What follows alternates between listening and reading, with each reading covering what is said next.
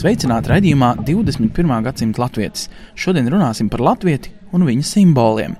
Piemēram, lai kur pasaulē jūs ietu un satiktu kādu cilvēku, kuram uz pirksta ir nāmīgi redzams, jūs visdrīzāk padomāsiet par to, ka viņam vajadzētu būt latvietim. Nevienmēr viņi vairs runā latviešu, bet simbols ir kā piederības zīme. Vai zinājāt, ka tas radies patiesībā dīpīšu nometnēs tikai pēc otrā pasaules kara? Šī tradīcija nesāt nāmīgi redzenu kā starptautisku latviešu atpazīšanās zīmi būs mūsu pirmais šī raidījuma stāsts, bet drīz pēc tam runāsim par gandrīz pārsteidzošu, fenomenālu faktu. Izrādās, islāma ticīgas draudzes Rīgā sarēķinājušas, ka katru dienu vismaz viens latvietis pāriet islāma ticībā. Priekš divu miljonu nācijas šķiet pārsteidzoši, bet sāksim ar senajiem simboliem namīgi redzenu, un Lilitu spuri, kura mums atgādina, kā radās tradīcija dīpīšu nometnēs izgatavot un valkāt namīgi redzenus. Eslingenas nometnē dibināja mākslas skolu, profesoru Jāņu Kugas vadībā. Tur bija spēcīga lietišķās mākslas nozara un rotkaļu darbnīcas, veselas divas, cik es zinu, Osvalda Grīna vadībā kur bija tiešām izcili rotkaļu meistari. Viens no tiem bija Jānis Bētiņš, kurš jau Latvijā pēc Pirmā pasaules kara sāka atdarināt etnogrāfiskās rotas sadarbībā ar valsts vēstures muzeju un latviešu arheologiem. Nometnē sevišķi populārs kļuva gredzens, ko mēs tagad pazīstam kā namīgi gredzenu. Par tā nosaukuma rašanos Kļaviņa Juris stāstīja. Viņš daudz stāstīja. Tas bija izgudrots Eslingenes nometnē, Rotkaļu darbnīcā, meklējot rotu, kas varētu simbolizēt latviešu vienotību. Meklējoties 12. gadsimta rotu zīmējumos, tie ievērojuši gredzenu, ciešu pītu no vairākām stieplēm. Nākoši pie slēdziena, ka lūk, tieši šis būtu īstais vienotības simbols. Devuši tam tā paša laikmeta karaļa nameja vārdu, gredzens nometnē strauji ieguva lielu popularitāti, jo latvisko rotu valkāšana kļuva svarīga nevis tikai sevis rotāšanai, bet arī latvietības apliecināšanai. Un turpinot svētku raidījumu 21. gadsimta Latvijas, jau pirmo reizi tas skan svētku nedēļā, 16. novembrī Latvijas rādio etrā, pēc tam daudzās citās pasaules latviešu mājaslapās. Es esmu saticis Ines Tepe Orenu, eh, vai es pareizi izrunāju jūsu uzvārdu? Faktiski man ir uzvārds Tepe Oren, bet Latvijā valsts ir man viņu latviskojusi. Latviskojusi tādēļ, ka jūsu uzvārds ir aizgūts no precēšanās ar kādu turku kungu, kas nu jau ir eh, pārvācies atpakaļ uz Latviju dzīvot, bet jūs savukārt ar šo kungu piecus gadus esat eh, laulībā nodzīvojis Turcijā. Jā, es iesaku katrai no sievietēm izbaudīt to un pamēģināt, kā būt tikai sievai. Neskriet pakaļ bērniem uz skolu, trijos darbos vienlaikus nestrādāt, vienkārši sēdēt mājās un būt sievai. Es teiktu, tā būtu svētku diena daudzām latviešu sievietēm, kuras, diemžēl, pagaidām to nevar varbūt atļauties. Tas būtu tik kārtīgs 18. novembris, tādi valsts svētki svētki. Jums nācās to atļauties piecus gadus, un e, jūs to nožēlojat. Tagad jūs esat atgriezusies atpakaļ Latvijā un sākusi, var teikt, būt arī skolotāja. Jūs esat skolotāja Imants sākuma skolā, un jūs ejat uz darbu. Jūs neesat tikai sieva. Jā, es baudīju šos piecus gadus. Pirmie mēneši bija grūti pierast, nepierast, ka nav visur kaut kur jāskrien, bet pēc tam pie laba pierod ātri. Un tagad esam Latvijā, jo vīram iepatikās Latvija, un viņš grib šeit dzīvot, un viņš visžēlīgi atļāva man arī strādāt. Un tas ir jautājums, kas skan īpaši, Ines, ja mēs paskaidrojam radio klausītājiem, ka jūs esat pārgājusi islāma ticībā pirms kādiem sešiem, jūs sakat, ar sešiem ar pus gadiem. Jūs staigājat Latvijā neraksturīgi aproti tādā tunikā, kas ir raksturīgi ļoti islāma ticīgiem cilvēkiem, un vienlaikus jums pie šīs tunikas ir piesprāstīts tāds pats Latvijas patriotu karodziņš, kāds ir piesprāstīts pie jebkura atloka šajā nedēļā. Un tas ir par simboliem. Latvijas islāma ticībā. Sāksim ar to. Pārējot islāmā, es jau nezaudēju savu latvisko identitāti.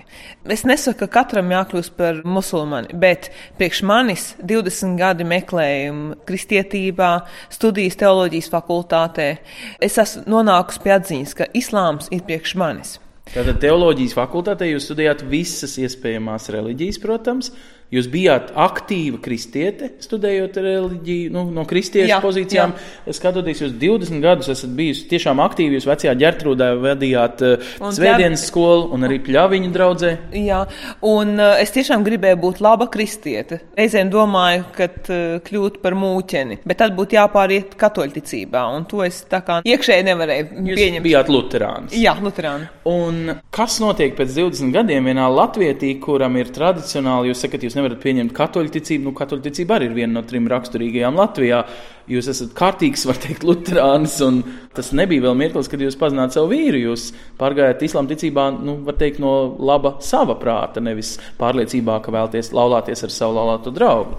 Ir tā kā tajā dziesmā pašveiku no domām vien, no domām vien, man mīkstums tapis ciets. Es domāju, es pārdzīvoju to, ka es vairs nejūtu nekādu svētumu iet baznīcā, un tad es sāku lasīt Bībeli, un te es sapratu, atcerējos, ko man mācīja teoloģijas fakultātē mācītājs Juris Rubenis. Tad, kad viņš mācīja mums jaunās darības vēsturi, pēc šī kursa noklausīšanās jums būs vajadzīga ļoti liela un stipra ticība, lai paliktu baznīcā. Jo daudz latvieši, kristieši īstenībā, daudz kristieši nemaz nezina, cik maz mūsu Bībeles tekstam var ticēt. Un es veicu savā iekšējo pētījumu, mēģināju atcerēties, ko man mācīja, lasīju un nonāca pie atziņas, ka vispareizākais teksts, kas vistuvāk ir priekš manis, manuprāt, tuvāk runā par Dievu, ir Korāns. Tomēr tikai studējot, vai notiek kaut kādas pārvērtības cilvēka dzīvē, kad viņš sāk pārvērtēt savu dzīvi. 20 gadi ir tāds kārtīgs posms, citi, kas tic tam 7 gadu posmam vai 5 gadu posmam, jums tie vairāk jau ir bijuši cauri. Es teiktu, ka liela daļa latviešu teiktu, islāms nav raksturīgs latvietim, Kā bet, jūs vispār to varat savienot savā galvā? Bet tad jau jāsaka, ka kristietība arī nav raksturīga latvietim. Mani visi radi ar saka, ka kā tu no tēva reliģijas atteicies, bet tad jau mums jābūt būt dievturiem vai jāpielūdz laimiņa un e, jūsiņš. Dara, Jā, kristietība jau atnesa vācu krustneši zobena galā izkaujot līvus, zemgaļus, kuršus, atstājot latviešus, visus līvus, zemgaļus, kuršus pataisot par latviešiem, tad jau, ja jūs esat kristietis un latvietis, tad jūs esat nodevuši savu senču asinis. Labi, jo tālāk mēs kāpjamies atpakaļ, jo tālāk ir dažādi uzslāņojumi, dažādu simbolu, kas nāk mums visiem pāri. Vai tas ir viegls lēmums mainīt šo savu identitāti, kaut vai tas, ko jūs tikko teicāt par saviem radiem, kas nevienmēr to ideāli saprot un atbalsta? Es pieņemu, jūs dabūjāt daudz naidniekus, kā Latvijas, kurš domā savādāk, bet aizvien kā Latvijas, kuram sarkanbalts sarkanais ir svēts. Lai cik tas nebūtu dīvaini, es saņemu ļoti daudz palīdzības un atbalstu no svešiem cilvēkiem. Mana ģimene negrib pieņemt mani tādu, kāda es esmu. Bet es nenolaižu rokas. Viņi ņirgājās par mani tad, kad es kļuvu par kristieti. Pāris gadus vēlāk viņi visi, gandrīz visi, nonāca baznīcā, un tagad mana mamma ir draudzes priekšniece. Māsa sagatavo iesvētāmos. Es ticu un ceru, ka pēc pāris gadiem mana ģimene draudzīgi nāks kopā ar mani uz mošeju. Nu, mošeja Latvijā ir pieejama tāda maza un viena pati Rīgā. Jūs māma dzīvoja, saprotat, pļaviņās. Tas viss tā tehniski neizklausās tik ne, vienkārši. Jā, bet eh, sievietei lūkšanas jāskaita, nav obligāti jāskaita eh, mošajā. Viņai vislabākā lūkšana vieta, tāpat kā kristietībā, ir noslēgtā istabiņā, un nevis kā farizējiem rādīt, cik es esmu dievbijīgs. Ja jūs vēlaties savu ģimeni pievērst islamticībai, es pieņemu, ka jūs atrodat, ka arī latviešiem islamticība būtu noderīgāka, vai kā to varētu raksturot. Es ticu, ka daudz nesapratīs un nepieņems, ko jūs teiksiet, un tomēr mēģiniet izskaidrot, kādēļ jums tā bija nav pretēja tam būt par latvieti un būt par islāma ticīgo? Jā, es uzskatu, ka islāms ir labākā reliģija visām tautām. Tas nav tikai arābiem vai tūkstnešu ganiem, jo islāmā šī saikne ar dievu ir visciešākā. Svētie raksti ir tādi paši, kādus viņus saņēma pravietis Muhameds Salam 7. gadsimtā. Neviens burtiņš viņos nav izmainīts. Līdz ar to, ja mēs skatāmies, kuri svētie raksti runā vairāk patiesību, tad tur nav šaubu, ka tas ir Korāns. Bet, ja tā ņem, tad eh, sengrieķu valodā vairs nelasa neviens, kurā bija rakstīta reiz Bībele. Tiecīgi, jebkurš Bībeles būtībā tulkojums mūsdienās lietotā valodā ir tulkojums. Jūs runājat tai pašā, jūsuprāt, arābu valodā, kurā reiz pravietis Muhameds saņēma šo dieva tekstu? Īstenībā jā, jo jācenšas ir runāt tuvāk tam, bet mēs jau vairāk lasām tulkojums arī. Jāskatās, kad jaunā derība tika sarakstīta. Tie, kas sarakstīja jauno derību, Jēzu kā tādu redzējuši nebija. Viņi bija no atstāstiem. Ja man prasa, kāpēc es izvēlējos islāmu, es saku, es gribu dzīvot kā Jēzus. Jēzus nekad cūgaļu nēda. Jo viņš bija eh, pēc izcelsmes ebrejs, cik saprotu, un arī jūdi nēda cūgaļu. Tam nav cieši sakars ar kristietību. Jā, bet Bībelē, vecajā darbā, Dievs saka, ka jūs nedrīkstat ēst cūgaļu. Viņš tieši tā arī pasaka. Bet ticiet man, tagad daudz noklausoties, teiks, paklau. Jūs tikko teicāt, ka Korāns ir tik labs, un tagad jūs citējat ar tādu pašu kaismību Bībelē. Es domāju, ka vai, vai jūs nejaucat visu kopā, vai tie simboli tieši tādēļ nav simboli, ka katrs no viņiem piekļaujas tikai vienam kaut kam un tikai tam arī seko. Pat ja jūs gadījumā jūs nomainat, kā kam sekot dzīves laikā, nu, daudz jau nomaina kā žokus, ja tā drīkst teikt. Nē, godīgi sakot, Bībelē ir ļoti daudz, kas sakrīt ar Korānu. Uh -huh. Ļoti daudz. Bet ir klāts pielikts tas tā pati cūgaļas ēšana, ko ieviesa Pāvils. Mm. Daudzus, daudzus gadus pēc Jēzus Jēzus teiksim, tā nāves no augšām celšanās, kā kristieši tic. Bet arī Bībele saka to pašu kā Korāns. To, ko Dievs ir atļāvis, nevienam cilvēkam nebūs aizliegt. Jā, bet šis mikslis Latvijam ir kā liekas, ka lietām ir jābūt skaidrām. Nu, ka zemes māte ir māra, ka laima lemj likteņus, nu, tur ir kaut kāda dievību sistēma. Tieši tāpat atsevišķa dievību sistēma ir kristietībā, svētā trīsvienība. Islāma ticībā ir cita sistēma, kad jūs sākat viņas visas tā kā miksēt un lietot, nu, es nezinu, pēc patikas, bet kopā. Man liekas, tas ir tas, kas daudzus mulsina. Es gribu kalpot dievam. Un es mēģinu noskaidrot, kuri no svētiem rakstiem mani novedīs tuvāk dievam.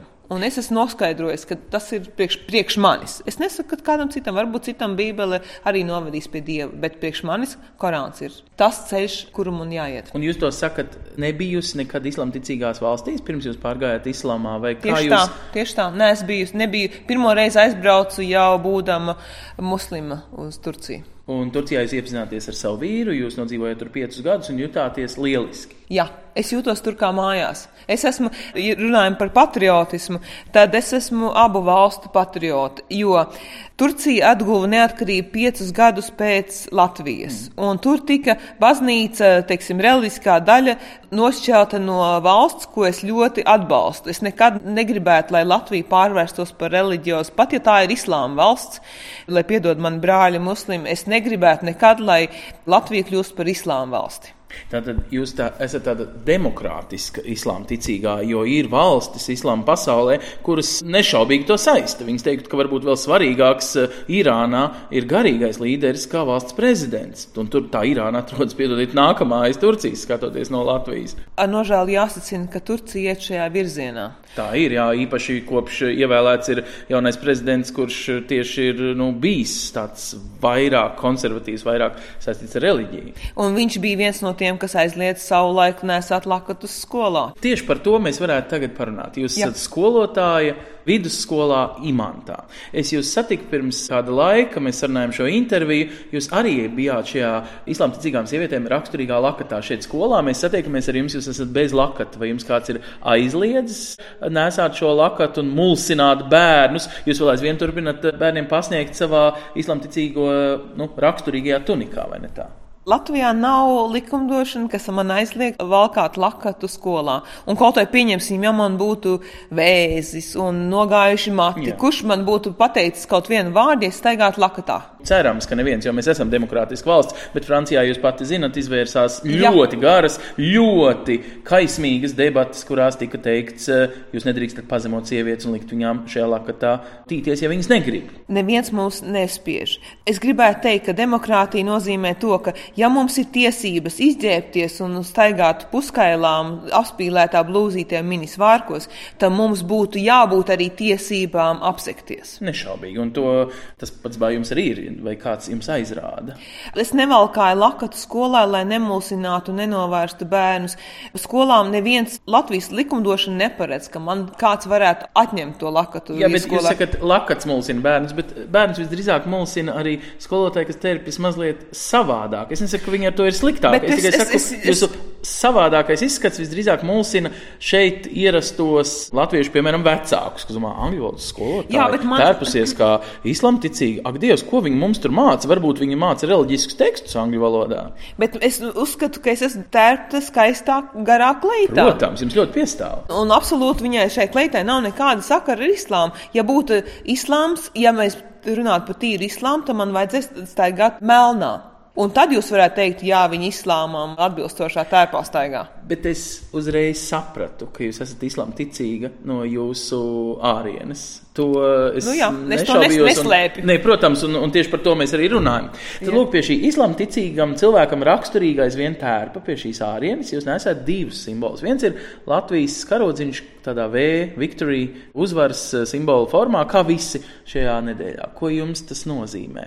Kāpēc eh, jums to patiesībā vajag? Laikam nav pat nekādu šķirbu, vai jūs dzīvotu Turcijā, Latvijā, jūs esat Latvijas. Grūti pateikt, kas es esmu, jo mani vecvecāki, man, no maniem četriem vecvecākiem, viens latvietis, viens krievs, viens baltkrievs, viens polis. Mm. Tātad jautājums, kas es esmu. Bet mēs tāpat kā Turcijā, tā kad eh, Turcija ieguva neatkarību, mm -hmm. faktiski izveidoja Pirmo republiku. Tad Ataturks vadītājs teica, visi, kas vēlas būt Turcijā dzīvojušie vēlās, viņi ir turki. Vai arī viņi ir savasti vergi no. Varbūt viņi ir kurdi, piemēram. Jā, vai viņi vergi no Grieķijas ir savesti, ja impērijas laikā. Tas nekas. Viņš ir turks, ja viņš to grib. Un es gribu, es esmu turks, un es esmu latvietis, tāpēc, ka es uzskatu, ka es šajā zemē esmu dzimusi, un es esmu viņai piederīga. Ja uzbruks Latvijai kāds agresors vai uzbruks Turcijai, tad es došos vai nu aizstāvēt to, abas no šīm valstīm, vai arī palīdzēt cietušiem. Nedodies, lai šīs valstis nonāktu frontes dažādās pusēs. Tad gan jums būs dimba. Tad, tad es pavadīšu lūk, naktis lūkšanās, un dienā es iešu vienā frontes pusē, un otras pusē palīdzēt cietušiem. Sarunāts, ja nedodies, kaut kas tāds būs vajadzīgs, jo šķiet, jo mazāk kara pasaulē, jo labāk daudziem citiem. Un tāpat laikā šī līdzība, ko jūs teicāt, Jums patīk šī doma, ka visi tiek pasludināti ar vienu rāvienu par turkiem. Latvijā arī bija tāda iespēja. Mēs esam imantas sākuma skolā. Es pieņemu, arī jūsu klasēs ir uh, vairāki jaunieši šeit no imantas daudz dzīvokļu rajoniem, kur patiesībā nāk no krieviski runājošām ģimenēm.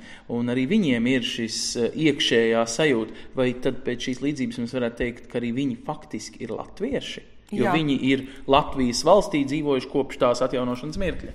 Es domāju, ka viņi ir latvieši, un ja viņu vecāki vēl mēģina pieķerties pie Krievijas impērijas drumstalām, tad eh, jaunieši gan viņi Tas, ka viņi runā latviešu un krieviski vienādi ātri, es nedomāju, ka viņi sevi uzskata par krieviem vai baltkrieviem vai ko. Bet varbūt viņi ir vienkārši globāli pilsoņi. Viņi vienkārši varbūt ir apmaldījušies šajā identitāšu piedāvājumā, kuru tad man ņemt. Arī es teiktu, nākamais simbols arī pie jūsu tērpa ir šis Anglijai raksturīgais 11. novembris, proti, Pirmā pasaules kara beigu simbols eh, magonīte, kas tiek vienmēr Lielbritānijā lietots. Austrālijā un Kanādā arī. Protams, visās Britu Commonwealth vai Jā. Eh, šajās zemēs. Kas ir tas savukārt par simbolu jums kā latvietim, kam ar to tieši sakara nav, izņemot, protams, Pirmā pasaules kara beigas, kuras ļāva dibināt Latvijas republiku? Īstenībā ir, jo manas ģimenes, teiksim, vecvecāka paudze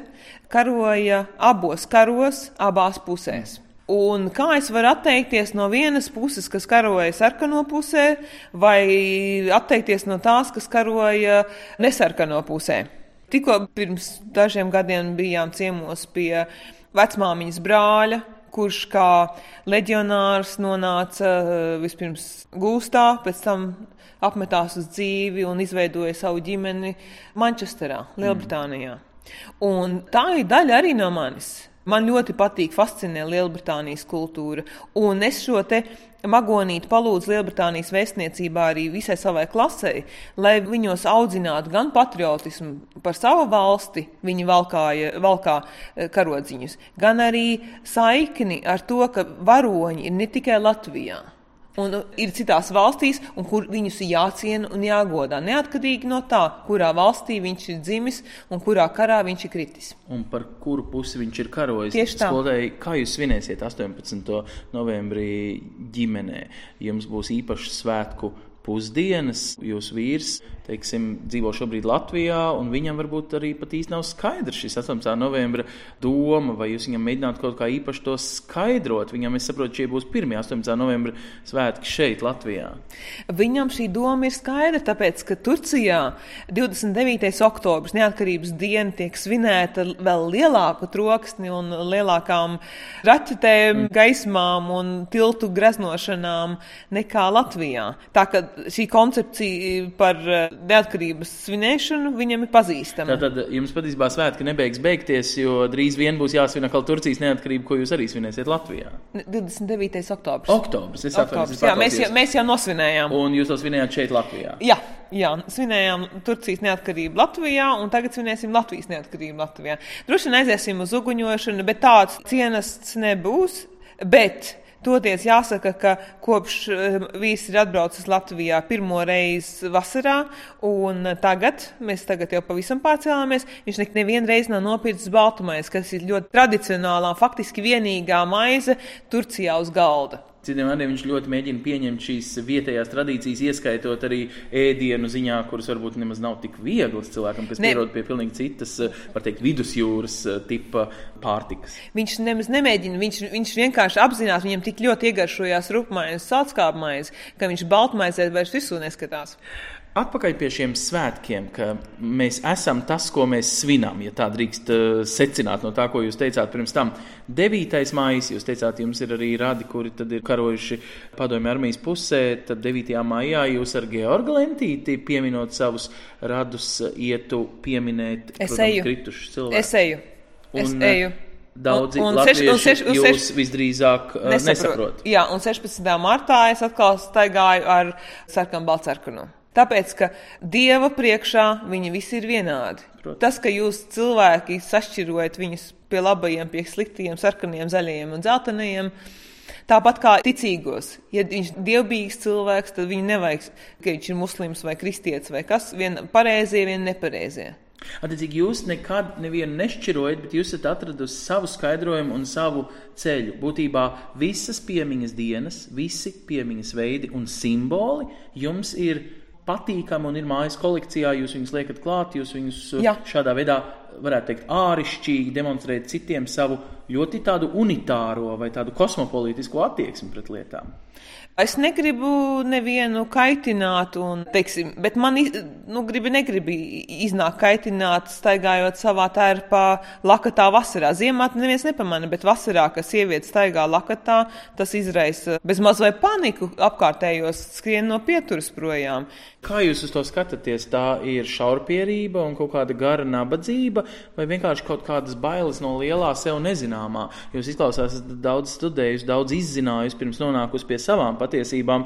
Ne katrs eh, tā iedziļinātos šajās lietās, un varbūt tieši tāpēc arī baidās un liekas, ak, Dievs, tai Latvijai ir galīgi viss sagājuši čērsām. Viņi tic ne latviešu dievam, viņi valkā 9. maijā ne latviešiem tīkamus eh, piemiņas simbolus, proti, Georga Lentīts, viņa dara kaut kādas muļķības, citi teikt. Es jums pastāstīšu, eh, Tautas fronts laikā es strādāju Tautas fronts koordinācijas centrā, izplatot uh, atmodas. Mm. Bet sajūtu lielu sāpi kad teica, ka visi krievalodīgie ir interfrontes pusē, ka visi atbalsta interfronti. Tas pats notika arī barikāžu laikā. Barikāžu laikā mēs Jēkab katedrālē taisījām maizītes priekš ugunskur, pie ugunskura sēdošiem. Un krieviski runājošie, kas ar savu transportu bija atbraukuši sargāt sājumu, tika turpatās pie ugunskura apvainot par interfrontes spiegiem. Un varbūt tas tāds iekšējs protests parādīt, ka, es nezinu, varbūt, arī viņi ir cilvēki. Protams, jūs varat dzirdēt, cilvēka mīlestība ir pāri visam, un, un mīlestība uz Dievu jūsu gadījumā ir vēl jau spēcīgāka. Jūs um, mīlat ar... savu tuvāko kā sevi pašu un Dievu pāri visam. Tas ir citāts Tas ir no, no kristiešiem. No kristiešiem. Kā teikt, tas ar citu Korāns pēc līdzīga principa? Tieši, tieši tāpat. Tieši... Attiecīgi, tas nenonāk pretrunā jūsos. Ne. Bet jūs ar savu daudzo simbolu lietošanu un pašas teiksim, izvēli, pats izvēlēties bišķiņi tā kā tracināt cilvēkus. Kāpēc viņi tracinās, jūsuprāt, zināšanu seklums, viņiem pašiem nav savas patiesības? Jo viņi teikt, jums ir ļoti daudzas patiesības, lai Tā, viņas nenonāk pretrunā. Tāpat kā es, es provocēju sarunu, es nekad neuzbāžos, es neuzspiežu savu taisnību, bet es provocēju sarunu. Un ļoti daudzi, ieraugot man lakatu, interesēs, kāpēc. Tāpēc, tāpat kā ieraudzījuši man magonīti pie manas kleitas, prasa, kāpēc. Un tad es man ir iespēja pastāstīt, kad ir kritušie varoņi un tā tālāk, pastāstīt kādu Varbūt atklāsim, kā mēs iepazināmies. Jūs nācāt Ines un palabojāt mani kā žurnālistu, un paldies jums par to, par latviešu valodas nu, neskaidru, teiksim, gramatisku formu, kuru nebūtu vēlams lietot. Kas ļoti interesanti ir no cilvēka, kas faktiski māca angļu valodu, kas ir islamticīgs un, un uztraucās par daudz pasaulīgākām lietām. Jūs vienlaikus uztrauc latviešu valodas tīrību, kas parasti uztrauc tādus nu, gados vecākus cilvēkus, kas uztraucas par Latvijas vēstures tādu konservēšanu un gādāšanu par tās tīrību un domu skaidrību. Es uztraucos par visiem mazajiem un neaizsargātajiem, un Latvija ir pārāk maziņa, lai viņu atstātu vienu. Latviešu valoda ir pārāk pārāk trausla, lai viņu atstātu novārtā. Tāpēc man instinktīvi mācīts liek rūpēties par maziem un neaizsargātiem. Par ko liels paldies, protams. Kā šīs jūsu rūpes, šo jūsu piemēru, šo jūsu dažādo identitāšu, es teiktu, miksli un piedāvājumu uztver skolas vecāki? Viņi uzdod nopietnus jautājumus. Viņi jūs pārbauda. Viņi uzdod tādus prātīgs jautājums. Tad nav nekādu pretestību. Ka... Vecākiem nav. Ne. Viņi, kad uzzināja, kā es, ka bērniem, viņi uzzināja to, ka es esmu piedaru kaut kādai reliģijai vēlāk, jo, jo kleitu, šādu kleitu var valkāt jebkurš. Protams.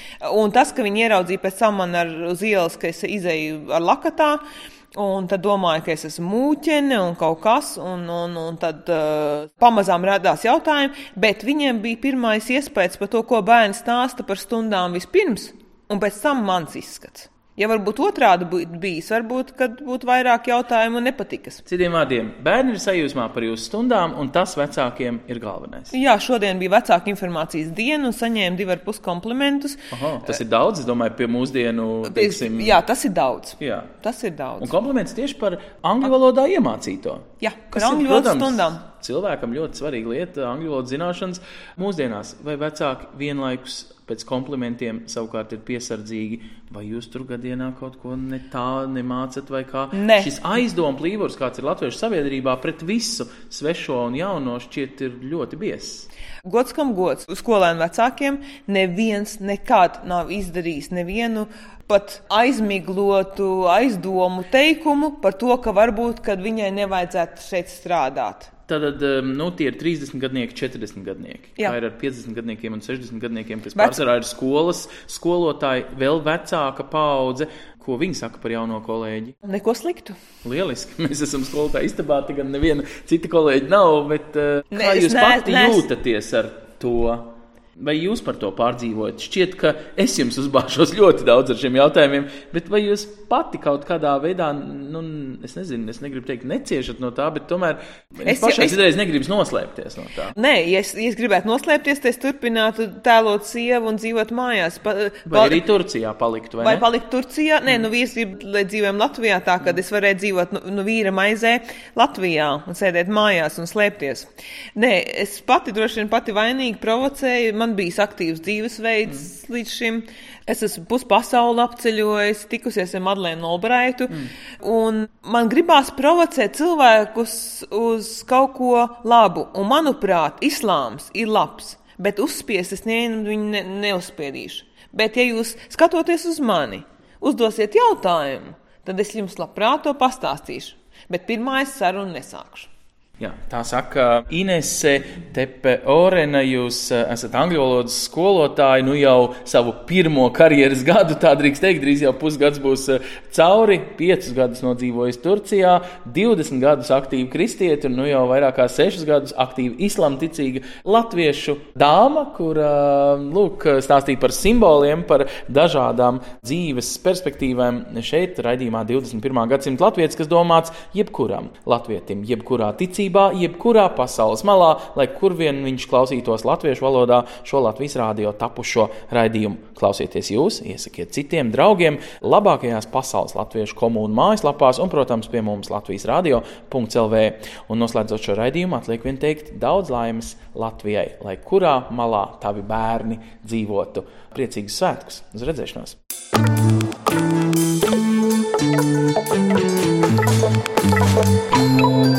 Raidījumu veido Ancis Bogustovs, Paula Gulbinska un mūsu ārzemju korespondenti.